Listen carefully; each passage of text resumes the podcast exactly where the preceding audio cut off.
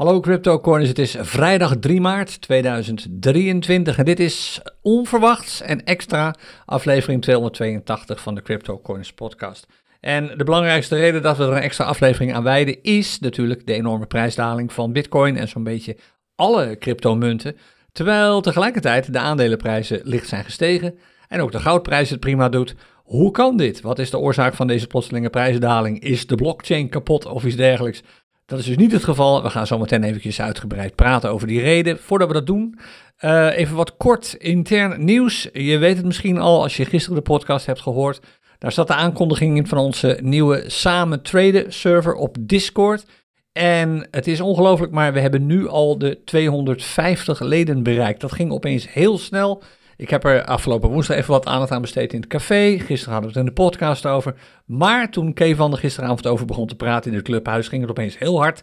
En dat betekent dat we nu dus al over de 250 leden grens zijn. En het leuke van die samen traden server is dat het echt een samen traden community wordt. En daar wordt ook veel aandacht aan besteed, ook door de beheerders van die Discord server. Het is bijvoorbeeld nodig om jezelf even uitgebreid voor te stellen voordat je toegang krijgt tot de leuke dingen. Niet alleen maar regeltje van hallo, ik ben Karel. Nee, je wilt wel wat verder gaan dan dat.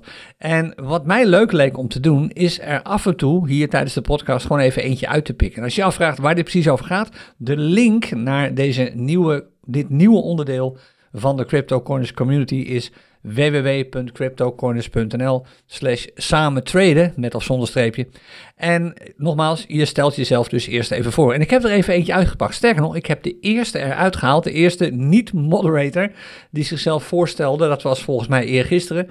En dat was Pascal. En Pascal schreef, goedenavond, ik ben Pascal en ik ben in 2021 geïnteresseerd geraakt in crypto. Ik heb eerst een tijdje gehoddeld. Als je afvraagt wat hoddel is, dat betekent eigenlijk dat je gewoon iets koopt en het vasthoudt. En later ben ik voorzichtig gaan traden, zegt Pascal. Al snel in contact gekomen met cryptocoins en veel geleerd.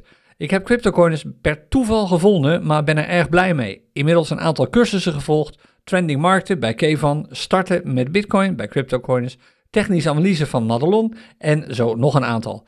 Een van de meest waardevolle trainingen was de Power Week van CryptoCoiners.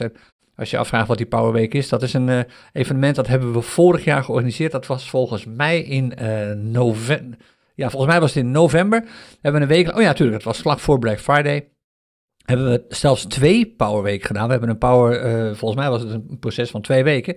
Waarin we elke dag video's online hebben gezet die verder gingen dan traden alleen. Dat ging ook over mindset en dat soort dingen.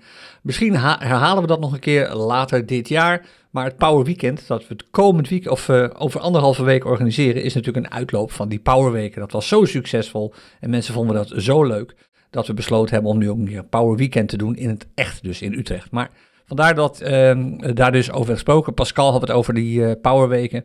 Pascal zegt: Ik zit nu op zo'n 1300 trades en hoewel ik het spel begin te begrijpen, ben ik nog niet consequent winstgevend. Ik wil de komende tijd vooral meer de charts kunnen interpreteren en daarop traden. Ik vind het Telegram-kanaal van Kevan, dat is Kevans Trading Dagboek, hier prettig en leerzaam bij. En ik hoop op dit kanaal, dat is dus de samen traden server van Discord, hierop voor te borduren. Ik hoop op die manier over de schouder mee te kijken bij meer ervaren traders. En waar mogelijk hoop ik anderen te helpen. Allereerst natuurlijk ook namens mij een klein beetje Hartelijk welkom, leuk dat je erbij bent, Pascal. En je zult zien, overigens, dit geldt niet alleen voor Pascal, maar ook voor jou als je nu luistert naar deze podcast, dat op die samen Discord server natuurlijk veel meer mogelijk is dan af en toe een keer een, scherm, uh, een screenshot delen of zo. Je kunt daadwerkelijk je scherm delen met anderen tegelijkertijd in aparte trading rooms aan de slag gaan en zo. En dat gaat ook absoluut gebeuren. En ik heb begrepen, ik speel zelf als beheerder totaal geen rol bij dat project. Maar ik heb begrepen dat ze enorm grote plannen hebben om dat samen traden platform nog groter te maken. Dus als je geïnteresseerd bent, het is 100% gratis. Je kent CryptoCoiners. En het is 100% vrijblijvend. Die zit echt helemaal nergens aan vast. Maar als je het leuk vindt om daar eens een kijkje te, uh, te nemen, raad ik je echt aan. Word lid van die samen traden Discord server. www.cryptocoiners.nl slash samen traden. Oké, tot zover. Verder niks te melden. Uh, wat intern betreft, anders dan dat uh, ik iedereen veel plezier wens. Morgen iedereen die zich heeft ingeschreven voor de Price Action uh, Trading Clinic van Kevan. Die zit helemaal vol. Je kunt je niet meer inschrijven. Heel veel plezier als je wel een toegangskaart hebt weten te bemachtigen. En als je dat niet hebt en je wilt toch meedoen, er is een grote kans dat er op 1 april weer een Price Action Trading Clinic door Kevan wordt gegeven. Maar daar kun je je nog niet voor inschrijven. Oké, dat wat intern betreft. Ik zei het al, we gaan eigenlijk maar op één ding focussen in deze extra aflevering. Namelijk wat er vannacht nou eigenlijk precies gebeurde. Want alles kelderde zo'n beetje. Nou, om, ik weet niet precies hoe laat het was, want ik was gewoon lekker aan het slapen. Ik hoop jij ook. Ik geloof rond twee of drie uur vannacht kwam er een uh, bericht naar buiten dat Silvergate, dat is een Amerikaanse bank die uh, zwaar in de crypto zit, om het zo maar uit te drukken. Het is eigenlijk het was eigenlijk de partner van keuze voor heel veel partijen uh, die die partner gebruikten om bijvoorbeeld betalingen binnen te halen. Dus uh, cashbetalingen om die vervolgens om te zetten in bitcoin en dergelijke. Maar het was ook een bank waar uh, geld aan werd uitgeleend of crypto aan werd uitgeleend, noem maar op. Kortom, een grote crypto-gerelateerde bank. Uh, daar kwam slecht nieuws over naar buiten. Um, slecht nieuws eigenlijk in termen van, wij hebben de cijfers nog niet op orde. Dat is hoe het begon. Wij kunnen op, ze hebben een rapportageplicht, zoals elke bank in Amerika dat heeft, elke bank dat heeft. En wij kunnen op dit ogenblik niet aan die rapportageplicht voldoen. Nou, dat zette de geruchtenmolen in werking. Er kwam ook nog eens bij dat de afgelopen tijd steeds meer cryptobedrijven afscheid hebben genomen van die bank. Er worden geen betalingen meer via die bank geaccepteerd. De laatste is uh, Crypto.com. Die accepteert ook geen betalingen meer via uh, Silvergate. Kortom, een hoop, een hoop geruchten. En je weet hoe dat gaat in de cryptowereld, ook in de aandelenwereld. Een hoop fut, een hoop angst, onzekerheid en twijfel. Fut, fear, uncertainty en doubt. Ja, en dan kan het hard gaan. En een van de dingen die gebeurde is dat de prijs van een Silvergate aandeeltje door de helft ging. Die daalde nou volgens mij rond de 6 dollar of zo. Nou, toen kwamen natuurlijk de eerste YouTubers die meteen begonnen te posten dat het bedrijf failliet is. Dat is dus nog niet zo. Ik weet niet of het failliet gaat. Daarvoor heb ik er me te weinig in verdiept. Want naar mijn mening is het alleen maar een cryptobank. Ik bedoel, het is vervelend wat er gebeurt. Maar ik kijk toch iets verder dan alleen maar weer een partij die misschien omvalt. Het is een partij aan de buitenkant. Met crypto zelf, met de Bitcoin blockchain zelf, is gewoon helemaal nada aan de hand. Oftewel, de waarde van Bitcoin is hier niet door veranderd, door wat hier gebeurt. De prijs wel, want wat er gebeurde toen duidelijk werd dat uh, Silvergate in de problemen zou kunnen gaan komen, of het eigenlijk misschien al is, is dat iedereen massaal Bitcoin begon te verkopen. Ik snap nog steeds niet helemaal hoe die link zit, maar een paar mensen begonnen eerst. En daarna begonnen er steeds meer hun bitcoin te verkopen. En toen was natuurlijk de lawine aan de gang. Want een aantal mensen was toch wel heel optimistisch over de bullish trend waar bitcoin in leek te zitten. Nou, zo bullish, we hebben het er vaak genoeg over gehad in de podcast, is het allemaal niet. Ook al zijn veel charts, waren veel charts bullish. De weekchart, de dagchart van bitcoin, allemaal bullish. De markt, de macro's zoals wij dat noemen, die is niet zo positief. De macro's geven nou niet echt aan dat het fantastisch gaat in de wereld. En eh, we zeiden het gisteren nog in de podcast. Dit zal waarschijnlijk niet lang gaan duren, want het lijken eigenlijk allemaal gewoon schijnbewegingen. En wat, je dan, wat mensen dan doen als ze denken van nou, het is fantastisch, het gaat allemaal de goede kant op. Die gaan dan geld lenen om extra bitcoin te kopen, zodat ze kunnen profiteren van nog meer prijsstijgingen. Dat geld lenen doe je dan door een zogenaamde margin trade te sluiten of een leverage trade te sluiten eigenlijk. Je gaat geld lenen bij een handelsplatform. En uh, dat geld wat je dan krijgt kun je vervolgens gebruiken om, of eigenlijk leen je meer bitcoin. Eigenlijk nog even opnieuw uitgelegd. Het is vrijdagochtend, eigenlijk ben ik al in weekendstemming, dus komt er allemaal niet zo gestructureerd uit nu. Het komt eigenlijk op het volgende neer. Stel je voor, jij hebt één bitcoin. En dan kun je naar een handelsplatform gaan en zeggen, hey, ik heb één bitcoin, dat is mijn onderpand. Mag ik er wat bitcoin bij lenen? En dan zegt zo'n handelsplatform, ja, is geen probleem. Die ene bitcoin is je onderpand. Je krijgt er van ons 10 bij, bijvoorbeeld. Uh, maar let erop, je totale saldo moet altijd groter zijn dan 10 bitcoin. Als dat niet zo is, dan verkopen we jouw bitcoin. Want we willen absoluut onze 10 bitcoin terug hebben. En dat is allemaal prima, dat kun je makkelijk doen op één voorwaarde, dat de prijs of de waarde van jouw belegging, jouw trade, wat je ook met die 10 bitcoin doet, blijft stijgen natuurlijk. Maar stel je nou voor, je hebt die 10 bitcoin gekocht omdat je denkt van nou, dat gaat allemaal de goede kant op. En opeens daalt de prijs van die bitcoin enorm, wat vannacht gebeurde. Dan kan het zomaar gebeuren dat de prijs daalt onder een niveau, waardoor zo'n handelsplatform, onder, die, onder totaal 10 bitcoin, zodat een handelsplatform jouw bitcoin gaat verkopen. Je krijgt eerst een, een belletje, een margin call, zo wordt dat genoemd. Dat gaat dan tegenwoordig in de vorm van e-mails en alerts. Van pas op, je saldo wordt te laag. Als je niet snel bijstort, dan gaan wij, het handelsplatform, jouw bitcoin verkopen. Nou, als je dan niet snel reageert, en dat kan vaak een kwestie van seconden zijn, dan verkoopt zo'n handelsplatform jouw bitcoin. Je account wordt, dat wordt liquidatie genoemd, uh, je account wordt geliquideerd, of in ieder geval die hoeveelheid bitcoin. En het handelsplatform haalt meteen zijn 10 bitcoin weer terug natuurlijk. Maar dat handelsplatform verkoopt jouw bitcoin tegen elke aannemelijke prijs, tegen de marktprijs. En als opeens iedereen bitcoin gaat verkopen tegen de marktprijs, ja, dan wachten kopers rustig af. Die halen hun bod weg. Dat zetten ze nog wat lager. En dat betekent dat er meer aanbod is, meer bitcoin om te verkopen in een hele korte tijd dan vraag. En dat levert snelle dalingen op. En dan kan het zomaar gebeuren dat er honderden miljoenen dollars aan bitcoin opeens verdampen. De bitcoin zelf verdampt niet, maar ze zijn niet meer zoveel waard of de prijs is niet meer zo hoog omdat iedereen ze wil verkopen. Dat wordt ook wel een, als de mensen met een zogenaamde long positie, die hebben dus bitcoin gekocht, al dan niet geleend, die worden uitgeknepen. Vandaar dat zoiets een long squeeze wordt genoemd. En zo'n long squeeze gebeurde vannacht. Dus Silvergate heeft ervoor gezorgd dat heel veel mensen die opeens heel optimistisch werden door die lijkende schijnbare bullruns, uh, heel, veel heel veel geld zijn verloren. Dus dat gebeurde vannacht ook weer. Andersom bestaat natuurlijk ook. Kijk, als de prijs maar blijft dalen, dan gaan mensen daarop gokken. En dan gaan ze bitcoin lenen om het vervolgens te verkopen. En die laten weer goedkoper terug te kopen, omdat de prijs immers daalt en de trend immers bearish is. Maar als dat omkeert, dan kan het zomaar zijn dat een handelsplatform ook weer liquideert. En dat levert short squeezes op. Dan worden de mensen die een short positie hebben genomen uitgeknepen. En dan schiet de prijs snel omhoog. Want dat handelsplatform koopt gewoon die bitcoin terug tegen elke aannemelijke prijs. Dat is eigenlijk het mechanisme. En dat, dit speelde vroeger, laten we zeggen vijf, zes geleden, minder een rol. Toen zagen we ook wel snelle prijsdalingen en prijsstijgingen. Maar ze waren niet zo heel erg dominant als nu, omdat er veel minder margin trading mogelijk was dan nu. Nu is margin traden, leverage traden eigenlijk bijna normaal geworden. En het kan zomaar zijn dat jij als trader wordt uitgelachen door andere traders. Zeggen van, joh, dat je niet aan het margin traden bent, dat is toch hartstikke veilig. Zet gewoon een stop los, dan kan je niks gebeuren. Nou, de praktijk wijst helaas af en toe in cryptoland anders uit. En ik weet dat ik me hier bij sommige groepen totaal niet populair mee maak en het interesseert me echt helemaal niks. Margin traden in de cryptowereld is gewoon doodeng, wat er ook wordt verteld. Dus kijk daar gewoon, naar mijn mening, super goed mee uit. Ik doe het niet, heb het niet gedaan, ga het ook nu doen. Het is niet nodig om met traden op een, of uh, met bitcoin of crypto op een gestructureerde manier aan vermogensgroei te werken. Je hoeft echt niet geld te lenen, al is het via margin trades om um, vermogen te vergaren. Absoluut, naar mijn mening onnodig. Liever langzaam, maar een stukje minder risico dan snel met een hele hoop meer risico. Maar dat is dus de reden. Om Silvergate, aan de, eerste, aan de ene kant, die bank, en aan de andere kant dus al die squeezes die vervolgens werden uitgevoerd. Nou, wat betekent dit dan voor de charts? Uh, niet zoveel gunstigs. Met name de dagchart is heel erg veranderd in een hele korte tijd. Gisteren zag het er allemaal nog leuk uit. We hadden een nieuwe piek bereikt, leek het. Dit is de, als je meekijkt op YouTube, zie je trouwens nu ook de chart in beeld. Uh, dit is de dagchart van uh, vandaag natuurlijk, maar dit is de candle van gisteren, die van donderdag 12, uh, 2 maart. En toen zei ik nog van, nou, we hebben gisteren een nieuwe piek gezien. Dat is mooi, die is hoger dan de vorige.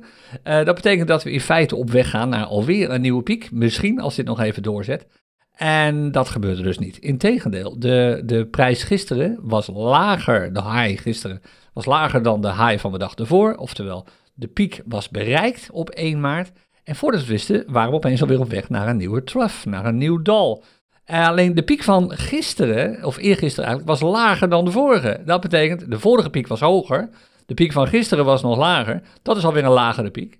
En toen gingen we opeens op weg naar een, naar een dal. En het dal is nu alweer lager dan het vorige dal, dat van 25 februari. Dus we hebben nu binnen een dag, door zo'n enorme daling, de situatie bereikt dat de dagchart, zelfs nog sneller dan ik het had verwacht, omkeerde van bullish naar bearish. We hebben nu lagere pieken, lagere dalen. We hebben ook een parabolic stop en reverse die opeens weer bovenaan staat.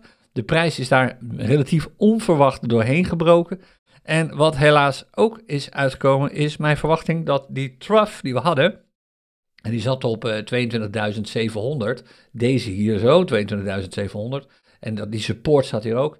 Mijn verwachting was, ja, daar gaan we, als we daar doorheen breken, als we dus door die 22.700 grens komen, 22.770, de vorige trough, dan kan het hard gaan naar beneden. Dan gaan we wellicht wel naar een nieuwe support rond de 21.000. En daar lijken we inderdaad even op weg naartoe te zijn geweest. En naar mijn mening zijn we dat nu ook. Want we zitten in een bearish trend. Als de prijs onder die 22.000 duikt, dat is, het is exact 22.000. Dat was de laagste prijs die we tot nu toe vandaag hebben gezien.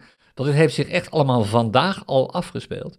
Als de prijs daaronder duikt, en ik heb die lijnen gisteren getekend, dan is de volgende zone die van 21.000 plus of min 400 dollar. De zone daarna is die van 20.000 plus of min 2 of 300 dollar. Het zijn gewoon dingen om rekening mee te houden. Dus wat je zou kunnen doen, is je denkt van ja, wat moet ik nu? Ik heb bitcoin. Uh, moet ik dat nou vasthouden? Moet ik het nu verkopen? Moet ik mijn verlies nemen? Nou, je zou het ook iets positiever kunnen zien. Je zou kunnen zeggen, weet je wat, we lijken op meer prijsdalingen af te gaan, want we hebben een parabolic stop and reverse die is bearish. We hebben een unbalanced volume die is bearish. We hebben peaks en troughs die zijn bearish. De Keltner Channels, die zien er ook niet echt heel positief uit. Kortom, het is allemaal niet zo denderend op dit ogenblik. Ik vermoed dat de prijs nog verder daalt. Ik verkoop nu mijn bitcoin, maar ik zet meteen een stop limit buy order aan de bovenkant.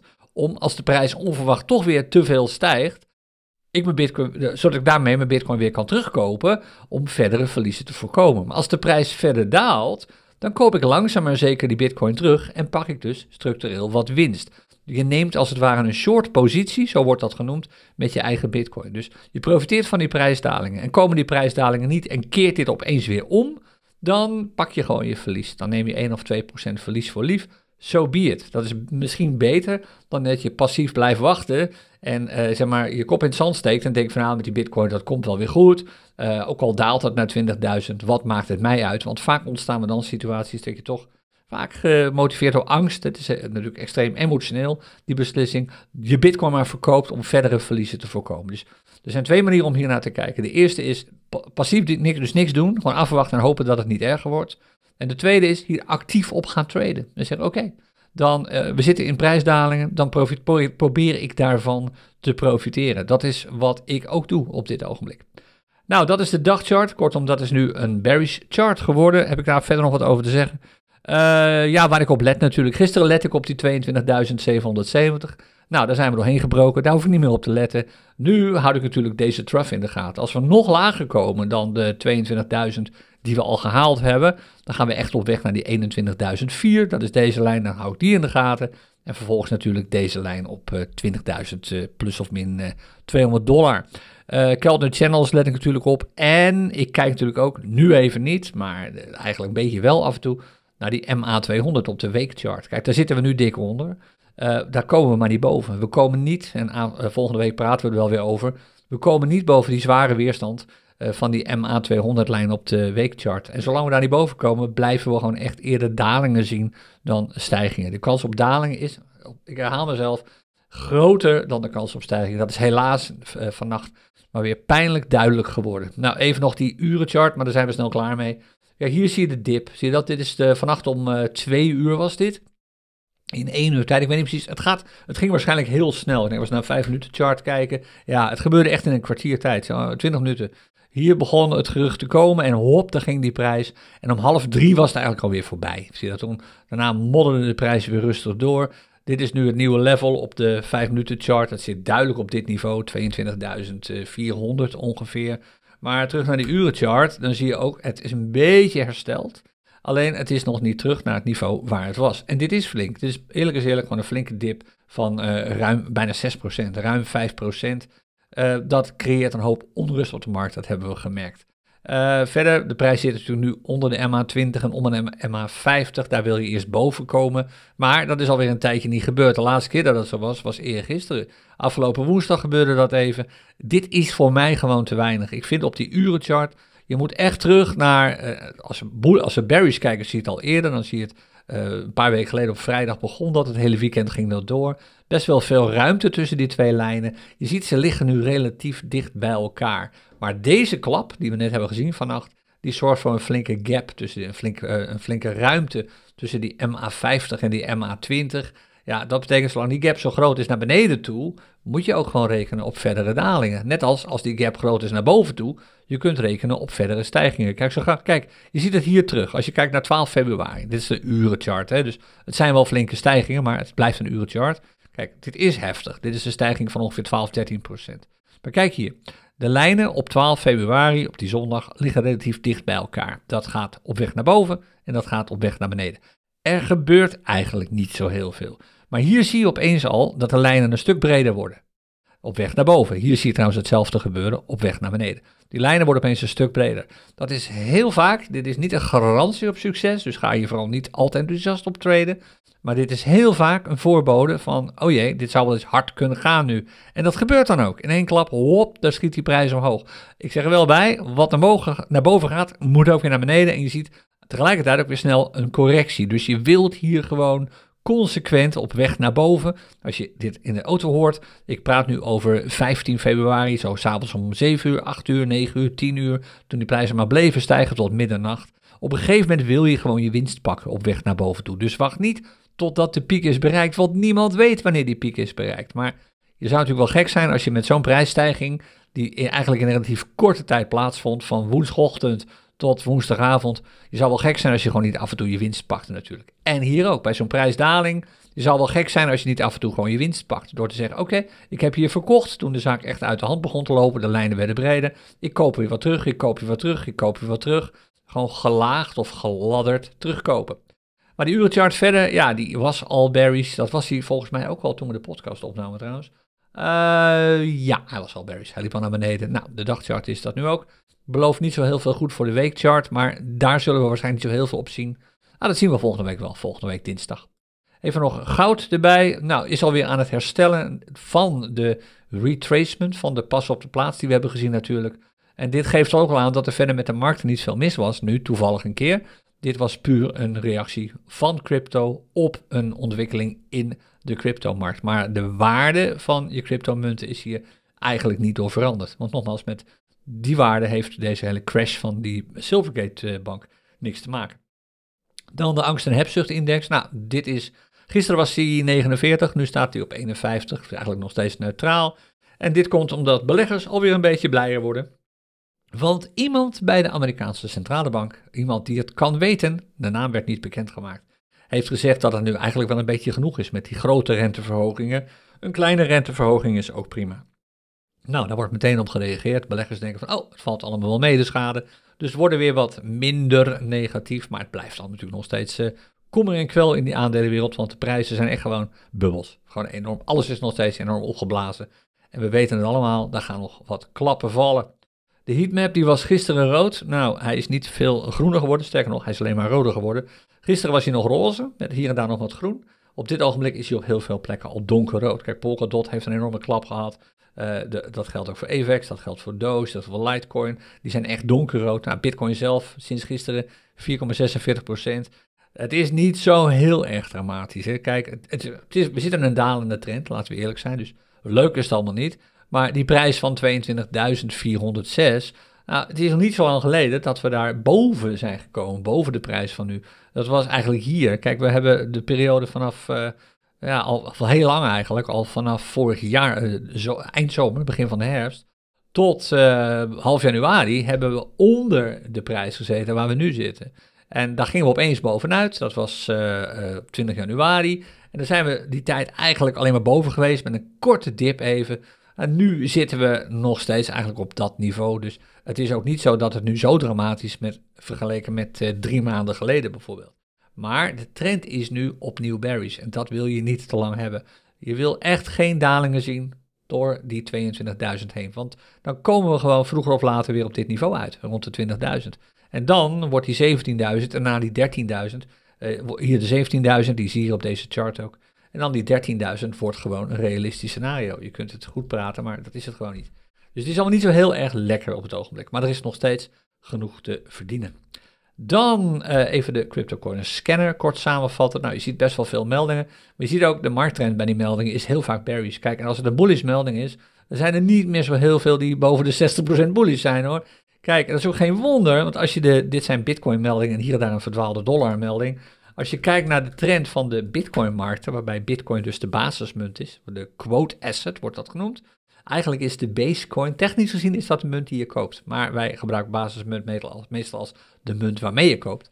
En als je kijkt naar Bitcoin als basismunt, dan zie je dat de trend gemiddeld nu 22,7% bearish is Dat is niet al te gunstig. Uh, dat betekent dat de meeste trends op Bitcoin-markten trend, uh, berry zullen zijn en niet bullish.